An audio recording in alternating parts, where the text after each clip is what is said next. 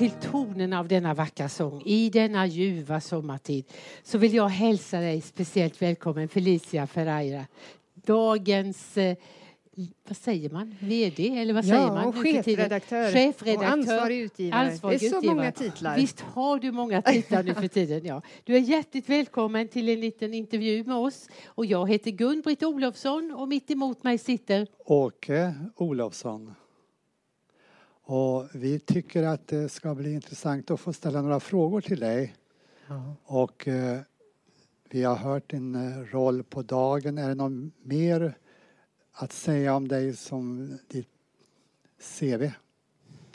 Oj, eh, mm, jag har ju jobbat med media framför allt i eh, 22 års tid. Eh, så det, är inte, det har inte blivit så mycket mer än det. Och väldigt mycket med kristen media, eller media på kristen grund Ja. framför allt. Mm. Och du är alltså nu då på tidningen Dagen. Mm. Vad är det som har gjort att du känner att där har jag en plats som är stimulerande och spännande?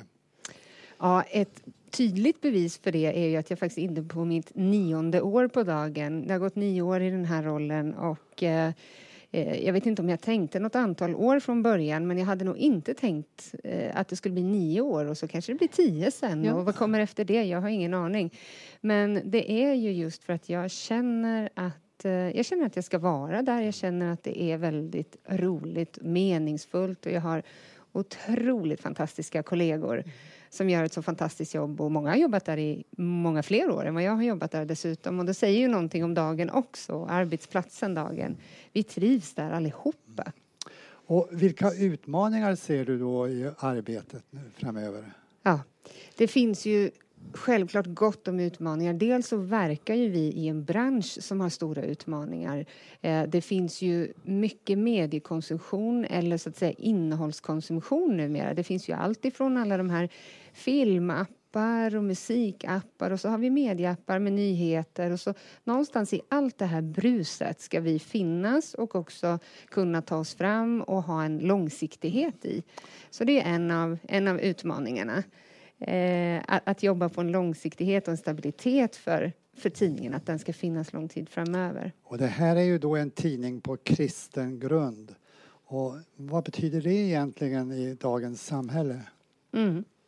När Levi Petrus startade tidningen så sa ju han ofta och upprepade att den här tidningen den ska vila på kristen grund men den ska vara partipolitiskt obunden och så ska den ha radikala synpunkter på samhällsproblemen. Och det tänker jag är viktigare kanske än någonsin idag och framöver. Tidningen ska ha synpunkter utifrån en kristen värdegrund på olika samhällsproblem och de har vi ju ganska gott om idag. Absolut, vi följer ju dagen mycket, mycket noga och läser i synnerhet Åke som har varit prenumerant i, jag vet inte hur många år, men alltid. Hela mitt liv. Hela Ja. sitt liv i stort sett. Ja.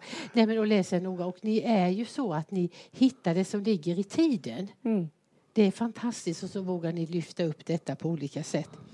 Men hur ser du på svensk kristenhet utifrån din roll på dagen? Det är ju en av de förmånerna som jag tycker har varit som bäst att få vara på dagen. Att man får se svensk kristenhet i sin bredd och att den är så stor och bred och så många engagerade människor. Sen är det klart att man också får en lite överblick över där det finns en del splittring och olikheter men inte minst också väldigt mycket ekumenik. Och vi står ju här idag på Radio Nyhem och har ju precis fått vara med om att Svenska kyrkans ärkebiskop Antje Jackelén har, eh, har hållit ett bibelstudium här idag på Nyhemsveckan. Det tycker jag är rätt så fantastiskt och jag vet att Daniel Alm har gjort åt andra hållet ska man säga, men fått vara med och predika i Uppsala domkyrka tidigare för några år sedan. Eh, och att det här att man kan samlas och, och känna att vi är många. Vi är många som tror på evangelium. Vi är många som har en berättelse, någonting som är utöver det vanliga och att vi får komma tillsammans och lära av varandra kring det. Det tycker jag är rätt så fantastiskt. Det ser man ännu tydligare kanske utifrån en dagenhorisont eftersom vi också riktar oss till en, en, en bredd, framförallt i frikyrklig bredd. Och ni har alltså prenumeranter i de allra flesta kyrkorna? Eller Ja. samfunden? Ja, men det är gott om pingstvänner bland, i prenumerationsskaran. Men vi har många andra också, från de andra frikyrkorna inte minst. Vad är då pingströrelsens unika bidrag då till tidningen? Mm. Eh, alltså mycket av historien kommer ju från pingströrelsen i tidningen och mycket av engagemanget. Och det tänker jag generellt på när jag tänker på pingströrelsens bidrag till kristenheten i stort också. Och det är många som nämner det från de andra kyrkorna att det där engagemanget som finns i pingströrelsen, det där liksom att det, det brinner verkligen på insidan och, det, och så omsätter man också i praktiken i ett engagemang. Det tycker jag har satt tydliga spår även på tidningen Dagen och gör än idag. I din roll då som chefredaktör så tänker du i de här frågorna om teologi och ja, de kristna frågorna som vi tar upp i sådana här konferenser. Mm. Men tidningen är ju lite bredare, bredare ändå. Mm. Är det något område som du skulle vilja ha in mer utav? Eh, det är klart att... Eh, det, jag kan säga ja. så här då att jag tycker att eh, korsorden är intressanta. Ja. Så tar ni bort dem Nej, och, då får vi många arga prenumeranter, ja, det vet vi. Jag är mm. alldeles säker på det. Ja. ja, och de är populära. Ja. Och sen har vi det här med kokkonsten, den får ju också sitt. Ja. Men är det något annat område som är lite sådär perifert? Nej, jag vet inte om jag skulle säga perifert, men, men någonting som går, eh, som mång, väldigt många läser, det är ju texter som handlar om så att säga, det, de lite mer existentiella psykologiska frågorna kanske, alltså relationella mm. frågor och den typen mm. av saker som rör sig. Det är ju inte bara de stora nyheterna mm. eller de stora predikoturerna liksom, eller konsterna som berör vårt vardagsliv utan det är så mycket som berör oss som troende i vardagen också. Och där försöker vi finnas med också. Um, man är ju inte bara i kyrkan till vardags.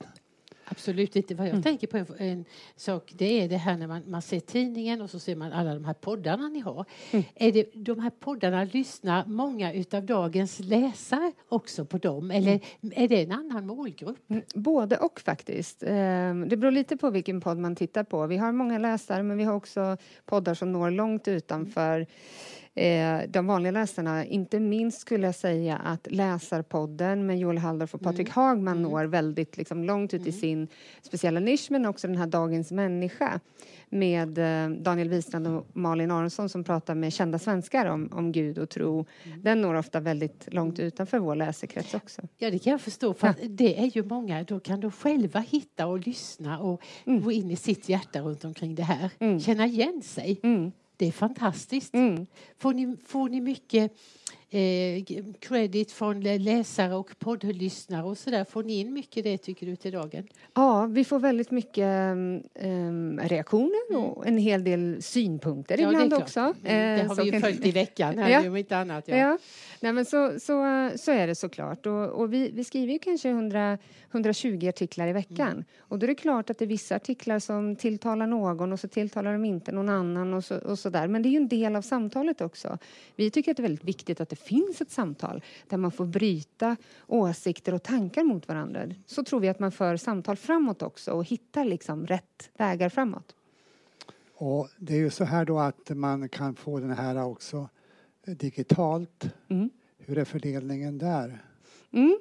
Eh, I dagsläget så har vi ungefär 42 procent av våra eh, läsare är helt digitala. De har ingen papperstidning överhuvudtaget.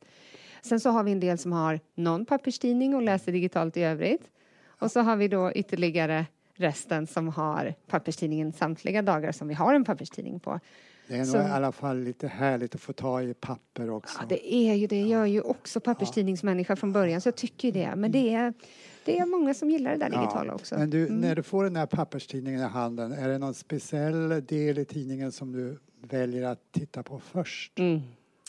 Ehm, just när det gäller dagen så, tittar jag mycket på utformningen och, och så där, första sidan och så.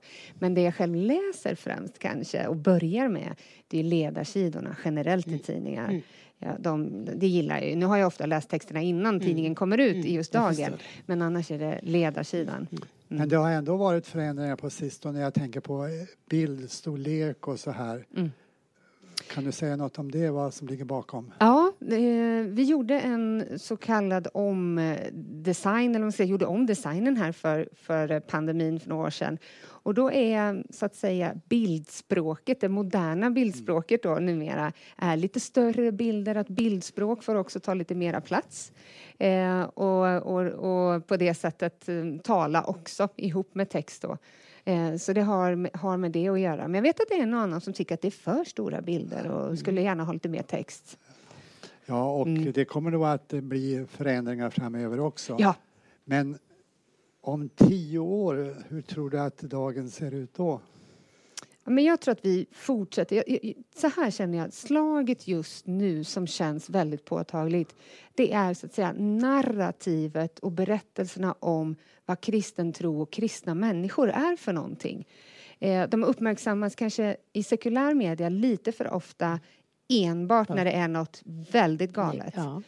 Eh, och vi vill också lyfta fram andra delar av kristen tro och en kristen vardag. Sen kan det vara att vi också lyfter fram när det har blivit tokigt. Va? Det, det tror jag har med trovärdighet att göra, att man, att man också vågar liksom peka på när det har blivit tokigt. Men framför allt så tror jag att vi är en viktig medieröst i det här bruset kring narrativet om vad, vad kristen tro och religion och eh, kristna människor är för någonting. Det tror vi också oerhört mm. viktigt. Så vi skulle vilja tacka dig Felicia Ferrara att du kom hit upp till oss i studion Tack. och önska dig som vi säger till alla Guds välsignelse i ert fortsatta arbete. Och vi är så övertygade om att han som har för er öppnat en dörr, det ska han fortsätta göra. Den ska inte tillslutas utan välsignelse för de nästkommande tio åren säger vi. Stort tack, tack för att du kom hit. Tack. Tack.